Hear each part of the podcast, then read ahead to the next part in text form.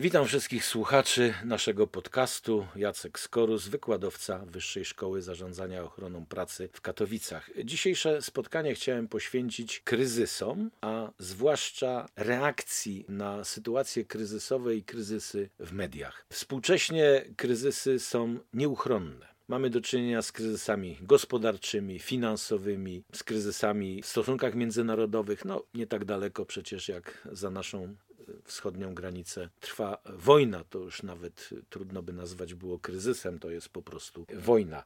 Są oczywiście odpowiednie metody, służby państwowe, które zajmują się sytuacjami kryzysowymi, sytuacjami nadzwyczajnymi, określają to przepisy, odpowiednie ustawy, ale nie tym chciałbym się dzisiaj zająć, ale raczej tym, w jaki sposób radzić sobie w sytuacjach kryzysowych w kontaktach z mediami. Robert McNamara, słynny amerykański polityk, polityk, sekretarz stanu w okresie kryzysu kubańskiego w Zatoce Świń, powiedział kiedyś takie zdanie: Nie ma nic takiego jak strategia, pozostało jedynie zarządzanie kryzysem. To dobrze oddaje sytuację, w której wówczas znalazła się polityka amerykańska, ale pozwala to też szerzej spojrzeć. Kryzys może nas dotknąć w związku z fatalnie nieprzemyślanym komunikatem na Facebooku, zamieszczaniem jakichś no, nie najlepszych zdjęć, nie najkorzystniejszych na Instagramie, prawda, czy bezmyślnej wypowiedzi w jakimkolwiek innym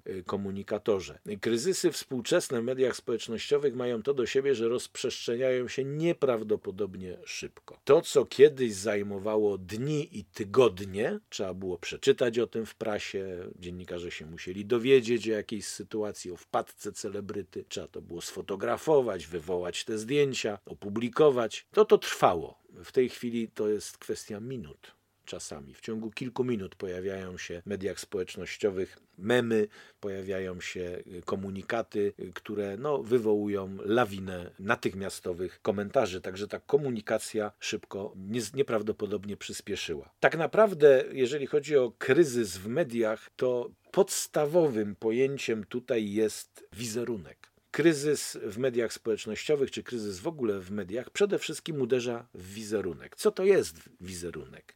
Image, czy image z francuskiego, to jest bardzo złożone wbrew pozorom pojęcie. To jest własny, subiektywny obraz rzeczy, zjawiska, osoby bądź sprawy, złożony z elementów materialnych, symboli, skojarzeń, własnych ocen czy opinii. Często jest on nieuchwytny, trudno definiowalny. Prawda? Ktoś ma wizerunek twardego faceta, w rzeczywistości siedzi żonie pod pantoflem. Prawda? Także tutaj łacińskie znaczenie tego słowa to jest wzór, pierwowzór, obraz, odbicie, urojenie. Wizerunek, marzenie senne. W języku angielskim to może być także spektakl czy wystawienie jakiegoś, mm, jakiej, jakiejś sztuki. Prawda? Wizerunek nie jest stabilny w czasie, on się zmienia. Może, możemy pogłębić wizerunek, wzmocnić, ale możemy oczywiście wizerunek stracić i zrujnować. Także obszar budowy wizerunku, sprzedawania go w mediach mieści się w czymś, co popularnie nazywamy PR-em, czyli public relations, prawda? To jest pewna funkcja zarządzania, która pomaga utrzymać relacje y, firmy, osoby z otoczeniem społecznym. Jest to funkcja zarządzania, która w różnych, według różnych podręczników ma podobno aż ponad 2,5 tysiąca definicji, więc y, nauczyć się tego nie ma sensu, ani nawet cytować wszystkich. Warto tylko wspomnieć, że już w Piśmie Świętym wspominamy, mamy elementy y, PR-u. O dobrych uczynkach i ich rozgłaszaniu nie zapominaj. Nie zapominajcie o dobroczynności i wzajemnej więzi. Czytamy w liście świętego Pawła do Hebrajczyków. Także jak widać z tego przykładu, świadomość tego, że trzeba kształtować wizerunek i prowadzić działania PR-owe, miano już w starożytności. W końcu budowa piramid czy pomników wielkich władców, Louvre e, czy Wersal zwłaszcza, był niczym innym jak działaniem PR-owym Ludwika XIV, a piramidy, Sfinks były elementami pokazującymi wielkość władców starożytnego Egiptu. Co może się nam zdarzyć najgorszego w sytuacji kontaktu z mediami i odzewu? To jest taka reguła 3 razy K, czyli krytyka, konflikt i kryzys.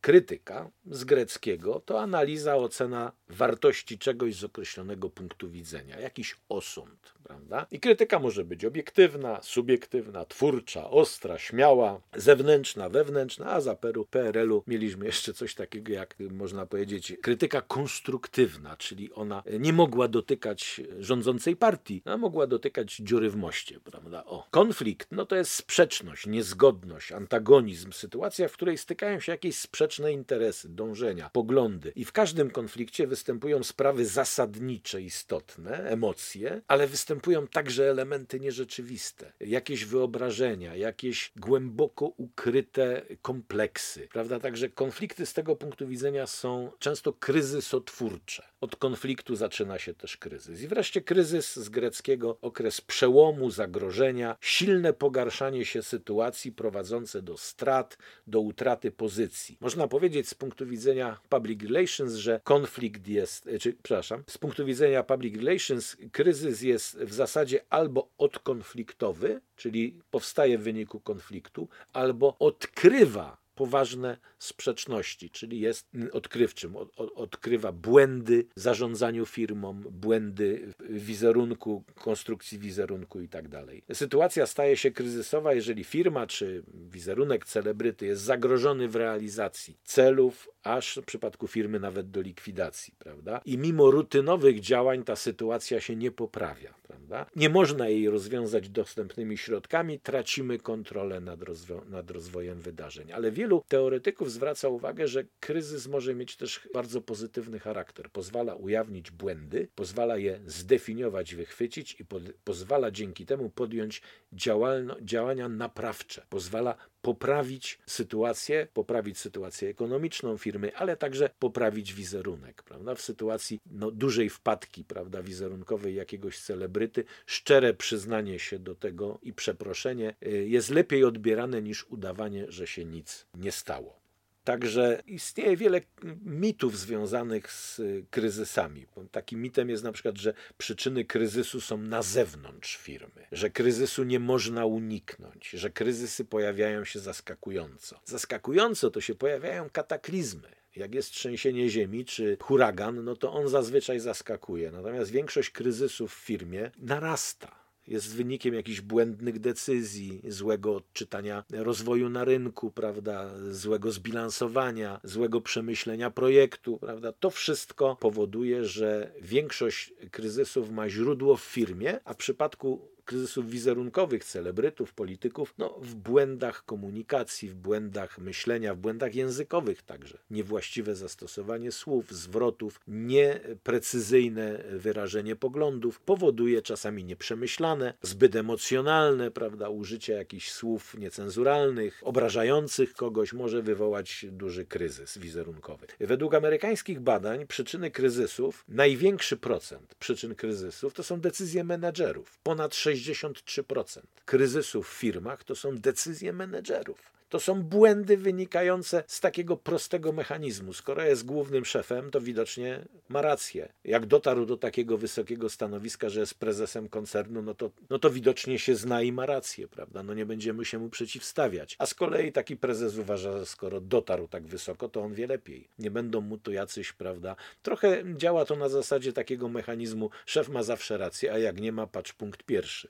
Na drugim miejscu są działania pracowników. Ponad 22% kryzysów y, biznesowych w firmach to są działania pracowników. To są działania związków, to są działania ludzi, którzy poczuli się gdzieś urażeni, nie awansowali, zostali zwolnieni z pracy, ukarani i ujawniają na przykład bardzo różne nieprzyjemne sprawy w danej firmie, prawda? Są były, byli molestowani, prawda, albo mobbingowani w pracy. W którymś momencie coś pęka, ujawniają taką sytuację i jest to kryzys w firmie. Katastrofy to zaledwie 5% przyczyn kryzysów według badań amerykańskich wypadki z udziałem ludzi niecałe 5%. I wreszcie mamy do czynienia z katastrofami naturalnymi, to zaledwie 2% prawie kryzysów. Także widać wyraźnie, że przyczyny kryzysów są po stronie człowieka. Jakie są strategie radzenia sobie w sytuacjach kryzysu, krytyki czy konfliktu? No, strategia ciszy. Udajemy, że się nic nie stało Możemy taką strategię też przyjąć. Ona ma oczywiście zazwyczaj krótkie nogi. Dużą lepszą strategią jest strategia przyznania się. Tak, popełniliśmy błąd, przepraszamy, postaramy się naprawić. Strategia spowiedzi, prawda? strategia wymijania. To nie my,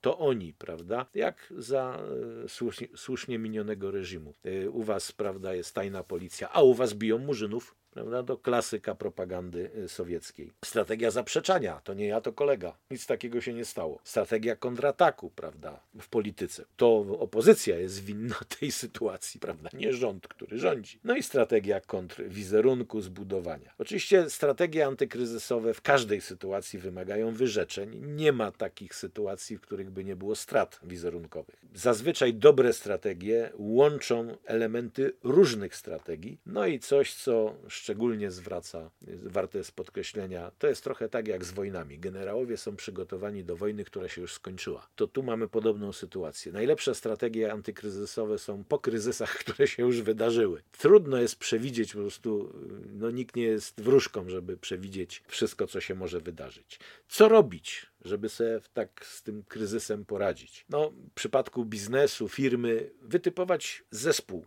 kryzysowy ale nie za duży. Pięć osób, może sześć. Nie za wielki. Stara prawda. Wielka masa ludzi jest głupsza od najgłupszego swojego przedstawiciela. Mała grupa ludzi jest mądrzejsza od najmądrzejszego. Ale musi to być zespół. Nie opierać się na jednej decyzji jednej osoby. Przeanalizować najbardziej typowe sytuacje w danej branży. Przygotować się do nich. Ustalić plany postępowania w czasie kryzysu i przećwiczyć. W wielu dużych firmach się to robi. Ustalić linię łączności nie zawsze w przypadkach na przykład wielkich powodzi okazało się, że łączność może zostać zerwana, czy trzęsienia ziemi komórkowa może nie działać, prawda? No, trzeba mieć jakieś inne źródła możliwości łączności, jakieś krótkofalówki, jakieś możliwości komunikacji, ustalić drogi udzielania informacji. Kto może udzielać informacji? To źródło informacji może, musi być jedno. Nie może to być tak, że każdy przedstawiciel firmy mówi coś innego, bo to wywołuje chaos informacyjny i prowokuje do pytań, to kto ma rację, kto kłamie, jak to mówi prawdę. Tu generalna zasada jest taka, że nigdy nie powinien się wypowiadać przede wszystkim główny szef,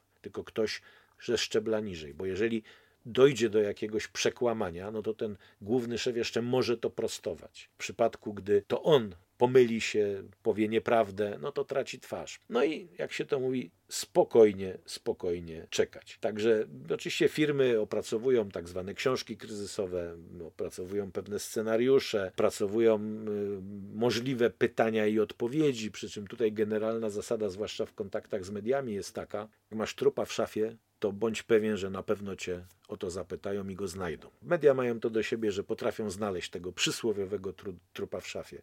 W związku z czym w przypadku sytuacji kryzysowych w, kontakty, w kontakcie z mediami, w, przy udzielaniu wywiadów do mediów, trzeba być przygotowanym na pytanie, które nie chciałbym usłyszeć. To jest żelazna zasada. Czyli być przygotowanym na to, o czym na pewno nie chciałbym być, o co za, na pewno nie chciałbym być zapytany. A to jest podstawowa zasada. No i być otwartym, prawda? To nie spekulować. Jeżeli nie ma się pewności co do przyczyn jakiegoś wydarzenia, to raczej na miękko powołaliśmy komisję, y, badamy, jak będziemy mieli pewne informacje, to Państwu udzielimy, nie chcemy spekulować, dlatego że w wielu przypadkach, zwłaszcza czy wypadków, czy jakichś katastrof, tak naprawdę przyczyny są możliwe do ujawnienia dopiero po pracy takiej komisji. Nie można przesądzać z góry, że, że coś się wydarzyło, jak nie mamy stuprocentowej pewności. W przypadku kryzysów wizerunkowych, po pierwsze, przeprosić po drugie obiecać poprawę, po trzecie pokazać, że się nad tym pracuje, po czwarte zaproponować rekompensatę albo udział w rekompensacie szkód w przypadku, jeżeli to jest związane na przykład z artykułami jakimiś spożywczymi czy z y, artykułami codziennego użytku, prawda? No i poinformować o tym, co się zrobiło, żeby tę sytuację poprawić. Tak naprawdę najgorszą sytuacją są kryzysy związane z pojawieniem się plotek plotka nie podlega racjonalizacji. Jeżeli nie znamy źródła plotki, no to właściwie mm, jak reagować? Gwałtownie zaprzeczam jakiejś plotce. No to odbiór publiczny jest taki: aha, coś jest na rzeczy, bo się gęsto tłumaczy. Nie zaprzeczam. Udaje, że się nic nie stało. Odbiór społeczny, coś jest na rzeczy, bo się nie tłumaczy, bo nie wydało świadczenia. Y, Także z plotką bardzo trudno się walczy i to, jest, to są jedne z najgorszych sytuacji kryzysowych. I tutaj sprawdza się tylko i wyłącznie wprost otwarte y, zdementowanie własną twarzą, własnym głosem. Tutaj nie można liczyć na to, że ktoś za nas to załatwi. Dziękuję Państwu za uwagę i do następnego spotkania w naszym podcaście.